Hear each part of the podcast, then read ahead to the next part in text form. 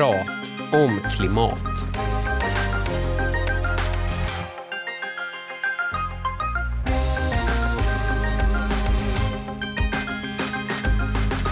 Du lyssnar på Naturvårdsverkets podd Prat om klimat där du får lära dig leva klimatanpassat. Idag handlar det om bilen och vardagsresorna. Ju närmare åtta på morgonen du kommer desto mer köer är det. Jag tror att det går att ändra vårt bilåkande. Går man ut vid vägen vid halv åtta på morgonen så kör det ju väldigt många bilar förbi och det sitter oftast en person i varje bil och allihop ska till Växjö. Det är något magiskt. Det är riktigt häftigt att köra en bil som är knäpptyst. Jag är mest trött på slutet. Att leva klimatsmart, vad innebär det egentligen? I ett modernt samhälle är det praktiskt taget omöjligt att inte bidra till några växthusgasutsläpp alls.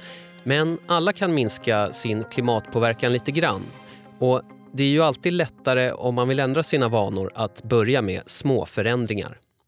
Prata om klimat är en podd från Naturvårdsverket som i sitt myndighetsuppdrag ska föra ut kunskap om klimatfrågor. Här får du konkreta tips på hur du kan ta de där små stegen till ett mer klimatsmart liv. I det här programmet handlar det om vardagsresorna med fokus på bilen och de olika alternativen till bilen. För transporterna ligger bakom en tredjedel av de svenska utsläppen och bilåkandet står för majoriteten av dem. Så här finns potential att förbättra både klimatet och luften i vår närmiljö. Och vi börjar i en villaförort till Stockholm där några föräldrar turas om att gå med barnen till skolan i en så kallad vandrande skolbuss. Är ju ganska bra för att då slösar man ju inte upp så mycket på miljön. För att då är det mer så att man inte sprutar ut avgas och det. Om du fick åka bil då? Om du fick välja, åka bil eller gå tillsammans med dina kompisar till skolan på morgonen, vad skulle du välja då? Helst åka bil. För det är ändå 2000 meter. Det är långt. Elliot är ett av de barn i åldrarna 6 till 9 år som går i den här vandrande skolbussen. Föräldrarna i åtta olika familjer turas om att gå med barnen vilket gör att alla de andra vuxna kommer till jobbet snabbare. Dessutom får barnen röra på sig, 2000 meter som sagt, vilket gör att de kan koncentrera sig bättre på lektionerna. Idag är det fem barn som går till skolan tillsammans med två föräldrar, Sabine Merky och Maria Nilsson. Ja, men det funkar jättebra. Vi ansluter här efter, efter ett tag. Eh, nej, men det är väl jättebra också att barnen eh, får igång energi på morgonen eh, och att vi går i samlad trupp. Nu vart vi, medan vi pratade, helt plötsligt en till person som väldigt effektivt lämnades av vid grinden. Precis, det gick ju fort. Så de är alltid, eh, de är aldrig för sent. Men det är klart, de måste vänta framför huset när vi kommer förbi. Annars så, så missar de bussen helt enkelt. Och det finns ytterligare en viktig anledning till att de här familjerna valt att gå samman i en vandrande skolbuss istället för att ta barnen med bil till skolan varje morgon. Det är långa köer vid skolan när man kommer ner sen. Med en bilkö då utanför. Therese Ribrandt är initiativtagare till just den här vandrande skolbussen. Ju närmare åtta på morgonen du kommer desto mer köer är det. Och ganska hetsk trafikstämning även om alla är där för att lämna sina barn. Så ändå beter sig folk väldigt konstigt, parkerar på fel sida, stressar, åker snabbt förbi. Det finns ju många fördelar med att gå med barnen till skolan eh, istället för att ta bilen. Ja, Per Wåhlin heter jag, jobbar här på Naturvårdsverket med transportfrågor kopplat till klimat. Dels så handlar det om att man som förälder då inte, det, det är svårare att fortsätta med bilen. Tar du bilen till skolan är det lätt att fortsätta sen till arbetet eller dit du ska. Per Wåhlin tar också upp det här med barnens motion och minskningen av trängseln framme vid skolan som vi redan nämnt. Sen bidrar ju vandrande skolbuss som en positiv bieffekt till ett minskat utsläpp av växthusgaser. Och Eh, minska på de lokala luftutsläppen. Det är barnen, de små och unga, det är de vi vill skydda. De är känsligare för luftutsläpp. Ehm, så det är ett jättebra initiativ. Vi ska återkomma till den vandrande skolbussen.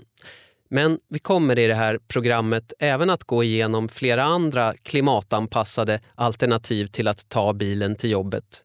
Men först lite snabbfakta om bilens klimatpåverkan. Men det handlar om att vi använder fossila bränslen i våra bilar idag och att de ger upphov till koldioxidutsläpp och som de i förlängningen ger upphov till globala ökade temperaturer på jorden.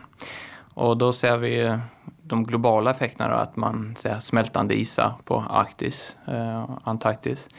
Eh, I, Sverige kan vi se framför oss att eh, ökad risk för översvämningar längs åar och vattendrag och kuster, till exempel den skånska kusten. Eh, det är de klimatförändringarna vi, vi ser. Och vårt bilresande handlar mycket om utsläppen direkt av koldioxid från bilen, från avgasröret, men också tillverkningsprocessen.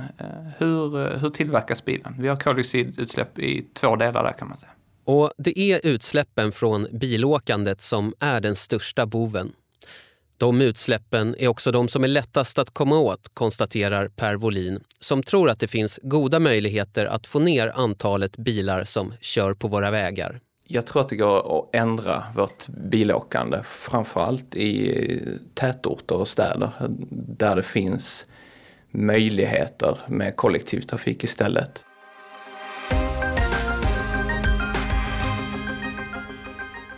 Per Wolin nämner kollektivtrafik och det är ofta en smidig och ekonomisk lösning.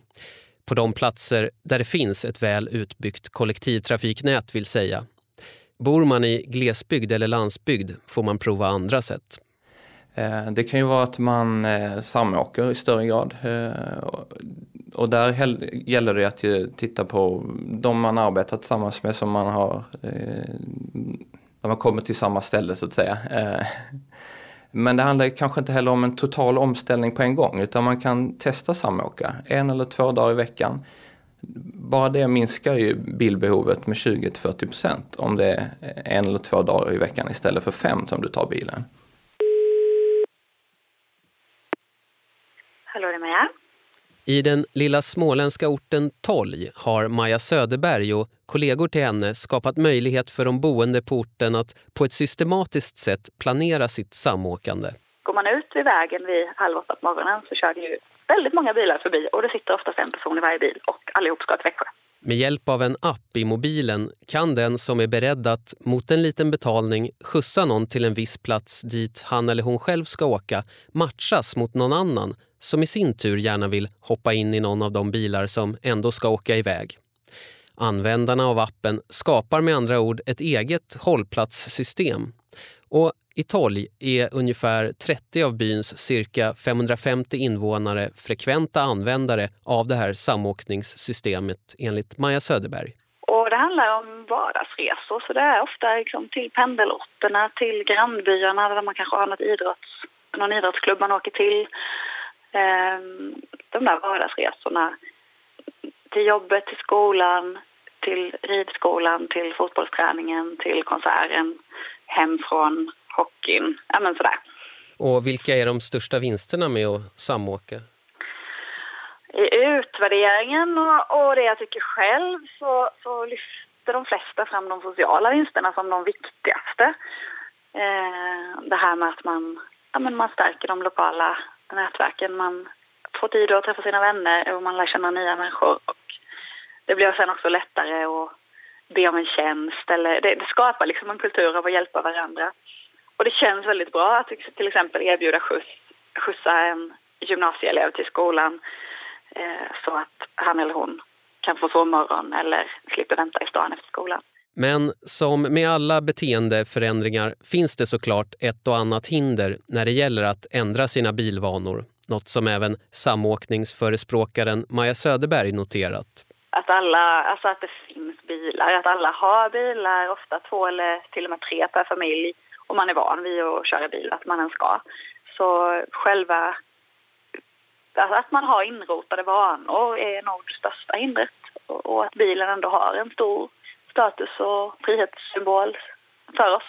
Den där frihetssymbolen går som bekant inte att byta ut när det gäller vissa resor. Det är väl därför det rullar över 4,5 miljoner bilar på de svenska vägarna. Ett steg att minska bilens totala klimatpåverkan vore förstås att fasa ut vissa delar av beståndet mot bilar med mindre klimatpåverkan. Och då är elbilen ett bra alternativ enligt Per Wolin. Elbilen har väl egentligen fler fördelar. Framförallt så har den ju inget avgasrör, alltså blir det inga lokala utsläpp av koldioxid eller andra luftföroreningar. Um, sen har vi um, det här med att um, den elen som man använder, det finns ju trots allt en klimatpåverkan från elbilar.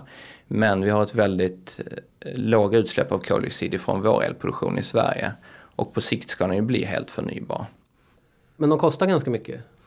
Eh, idag är ju inköpskostnaden högre för en elbil. Men det finns studier som visar på att beaktar man alla kostnader, att de har faktiskt en lägre kostnad för drift, service och, och underhåll. Då, då kan man till och med så i vissa fall så är det redan lönsamt eh, för att driftskostnaden är så pass mycket lägre.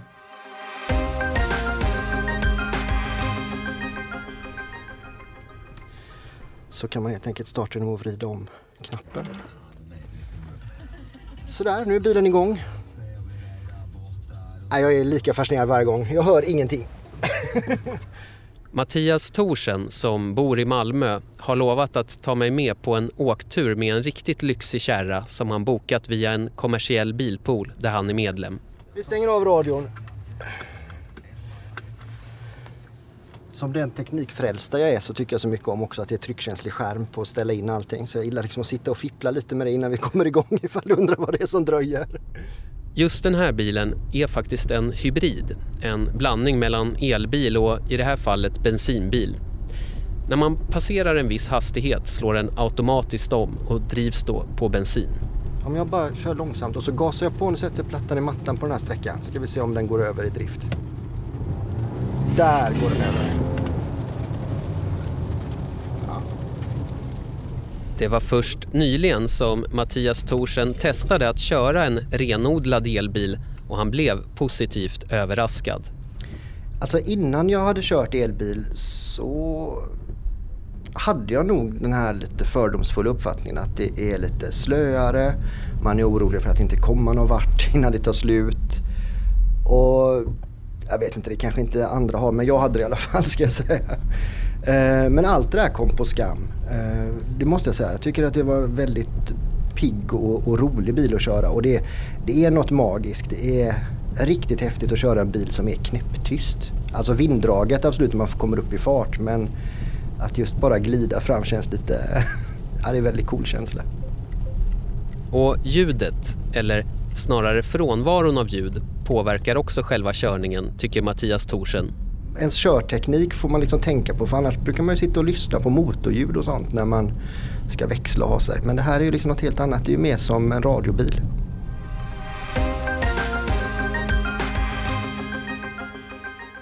Rolig att köra och ett bra klimatval alltså.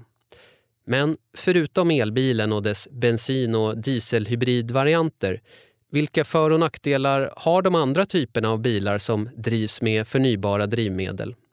Per Wolin på Naturvårdsverket igen. Etanolbilen, eh, det ju, kan ju vara ett bra alternativ för den som tittar efter en begagnad bil eftersom det finns så många i fordonsflottan idag. Utbudet när det gäller nya bilar är lite mindre då. Eh, men etanolbilen den har ju en inblandning av bensin så det är bara en, en viss andel av bränslet man, man ersätter här. Då. Eh, biogas, eller en, en gasbil, den använder ju fordonsgas och idag i genomsnitt 70 procent utgörs av biogas. Och ju mer vi bygger ut biogasproduktionen, ju mer biogas kommer det bli. Ett problem när det gäller etanolbilarna är att många av de som äger en sån inte tankar med etanol idag. Men vill man liksom bidra till att minska sin klimatpåverkan då, eller att tanka ett förnybart bränsle om man har en sån bil som, som kan göra det, eh, Ehm, då minskar man ju utsläppen betydligt. För det finns vissa hållbarhetskrav idag på de här eh, så att säga, biodrivmedlen eh, som vi använder. Så att man ska känna sig trygg i att det faktiskt minskar utsläppen av att välja ett förnybart bränsle. Dessutom är det såklart bättre att köra en bil som drar mindre bränsle. Och vill man köra så klimatsnålt och ekonomiskt som möjligt är det viktigt att ta reda på ytterligare en sak. Det som är viktigt när man, när man tittar på bränslesnåla bilar det är att inte bara titta på tillverkarens förbrukningssiffror utan eh, vara lite kritisk och titta på eh, förbruk verkliga förbrukningen i de här bilarna. Det finns sidor på internet där användare rapporterar in den verkliga förbrukningen som man har haft. Eh, och det finns också studier som visar på att eh, på senare år så skiljer det så mycket som upp till 40 procent mellan det som tillverkarna anger och vad som bilen verkligen drar när du använder den i, i din vardag. Så att säga. Och även den som köper en elbil kan ha nytta av att kolla upp den verkliga förbrukningen. Ja, det kan skilja sig även för en elbil. Men för en elbil så är ju driftskostnaden så pass mycket lägre idag så att där får den inte lika stort genomslag på den totala kostnaden. Fördel elbil igen alltså. Men någon avigsida måste väl elbilen ändå ha? En nackdel det är ju räckvidden såklart. Men eh, ju längre utvecklingen går, det är teknikskifte. Och ju, ju längre kommer man att komma på elbilen. Eh, men för den, för den stora majoriteten av resor så, så räcker ju eh, elbilen idag. Och det finns ju en utbyggd infrastruktur för snabbladdning också. Det låter på dig som att elbilen är framtidens melodi och, och det som är liksom bäst att satsa på ur klimathänseende? Ja, för den lätta trafiken så tror vi att elbilen kommer ha en väldigt stor roll. Eh, och alltså det är ett stort teknikskifte som kommer att ske där.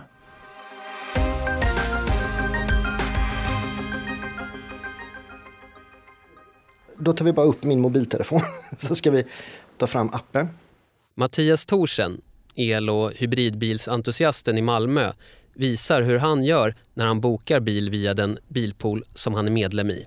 Och det första jag får se det är helt enkelt om jag vill eh, fråga där jag ska boka bil. Och de föreslår om jag ska boka den just nu och det ska vi faktiskt. Jag ska bara se till att välja biltyp. Ska jag välja inget val tror jag kanske, eller ska vi ta? Vi kan, ju ta, vi kan se, här kan vi välja mellan olika bilmodeller och då olika typer av drift elbil. Vi kan ju ta den här Electric, den tar vi. Och så tar vi sök. Och då så får vi fram en karta över Malmö. Och då ser vi att just nu finns det då där vi sitter en bil som är ledig här två kvarter härifrån. Och då klickar vi in på den. Och så säger vi helt enkelt att vi bokar den. Sagt och gjort. Bilen är bokad och all information om bokningen finns nu på det kort som Mattias fått när han gick med som medlem i bilpoolen. Det som händer är när man bokar en bil. Eh, vi får ett sms på en bokningsbekräftelse. Och där står det var den finns någonstans och om det finns någon eh, om det är en bensinbil så får vi koden till tankkortet. Och så är det bara att gå bort till bilen och låsa upp den med sitt kort. Så då är det bara att traska iväg till garaget där bilen står. Och nu ska vi se, då är alltså bilen låst och laddsladden sitter i ser vi, det blinkar, lyser blått för att indikera att den håller på att ladda. Jag tror faktiskt att det också är om den är laddat klart. Jag börjar med att låsa upp bilen genom att ta min mitt kort och lägger mot framrutan. Så, så är bilen upplåst. Och då kan jag också dra ut laddsladden. Så.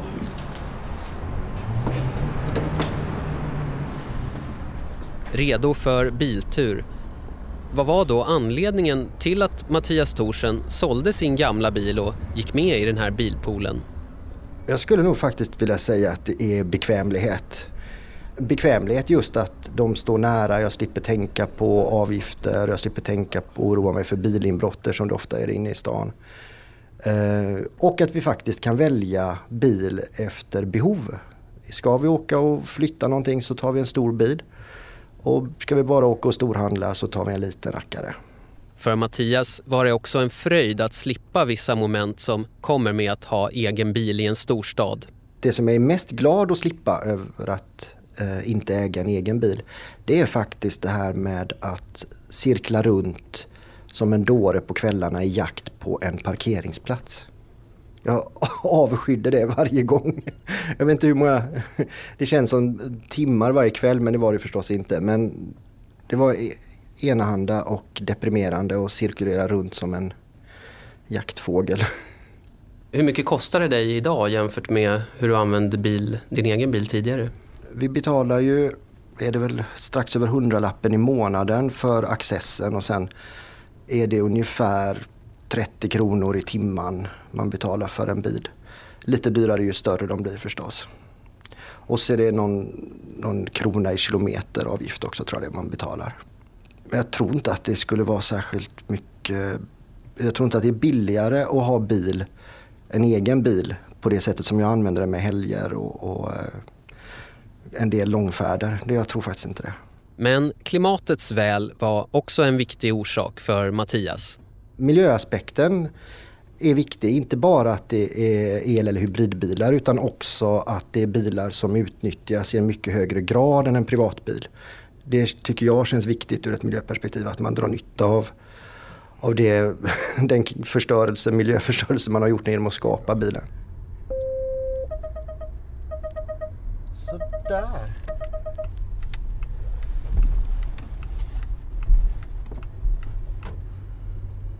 Då är vi ute. Så kan jag bara tala om att någonstans här på vänstersidan tror jag att det där, det där huset som Zlatan köpte, det ligger här någonstans.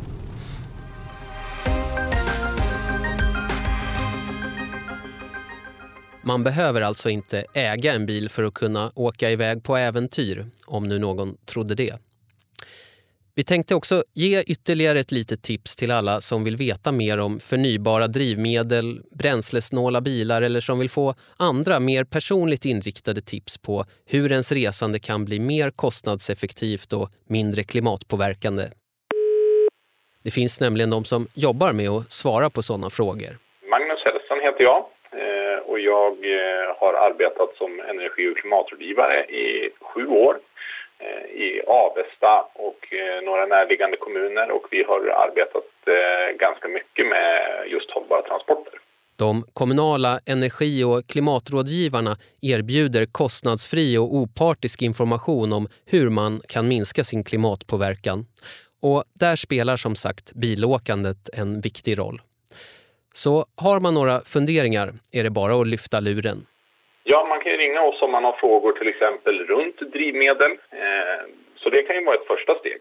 För enligt Magnus Hellström finns det fortfarande mycket som vi kan ändra på för att göra vårt vardagsresande mer hållbart. Även om vi Eh, byter ut bilarna mot elbilar och eh, får dem att vara effektivare och dra mindre så, så i de prognoser som till exempel Trafikverket har tagit fram så behöver vi även minska bilåkandet då för att nå målen till 2030 med en fossiloberoende fordonsflotta och även få vara koldioxidneutrala till 2050. Och då var vi där igen. Vi måste minska vårt bilåkande, men vi vet inte alltid hur. Så vad säger Naturvårdsverkets expert Per Wolin? Hur ska man som förändringsvillig bilist lägga upp sin strategi? Nej men det är väl det här att man kan gå till sig själv och titta på, kan man planera sina resor på ett annat sätt? Försöka göra flera ärenden samtidigt, att liksom komma ifrån det här att man ska ta den här korta bilresan hela tiden. Eh, att varje bilresa spelar roll eh, och eh, kan man planera sin dag på ett annat sätt för att minska antalet resor så är det också viktigt. Sen är det ju också så att bilen drar mindre bränsle om du kör lugnt och följsamt istället för snabbt och ryckigt. Och för de korta resorna är alternativen ofta enklare än vad man kan tro. Ja men det, det kan ju vara eh, att man går eller cyklar. Eh, många bilresor, 30% av eh, alla pendlingsresor till jobbet är under 5 kilometer. Och det är ju en stor potential till att gå eller cykla istället. Och tycker man att har man lite längre då kan ju elcykel vara ett alternativ. Och det gäller att se på flera mervärden samtidigt. Inte bara tänka på att man spar på utsläppen utan det kan vara du sparar pengar, eh, du får vardagsmotionen, bättre hälsa, frisk luft, kan koncentrera dig bättre på arbetet. Tillbaka i villaförortsmorgonen där klockan närmar sig åtta och det snart är dags för föräldrarna i den vandrande skolbussen att lämna av barnen i skolan. Är det någonsin svårt att få med barnen eh, eh, på det här? Nej, inte alls, utan de, de vet vad som gäller. Så att, eh, nej, men de tycker det är kul. Så får de ju träffa kompisarna på vägen tidigare, på väg till skolan och sådär. Så att, nej, det är inga problem. Ibland som tävlar de också och springer fort så man får nästan se till att man själv kommer efter. Nej, det är ju all, aldrig ett problem. Jag känner ju när jag går här att jag blir lite pigg av att gå eh, och vara, vara utomhus. Känner, känner inte du det? Nej, jag blir mest, jag mest tröttare på slutet. Jag blir mest trött på slutet. Jag blir mest trött när vi kommer till slutrakan här i skolbussen. Men det är väldigt bra att vi inte slösar på miljön när vi går.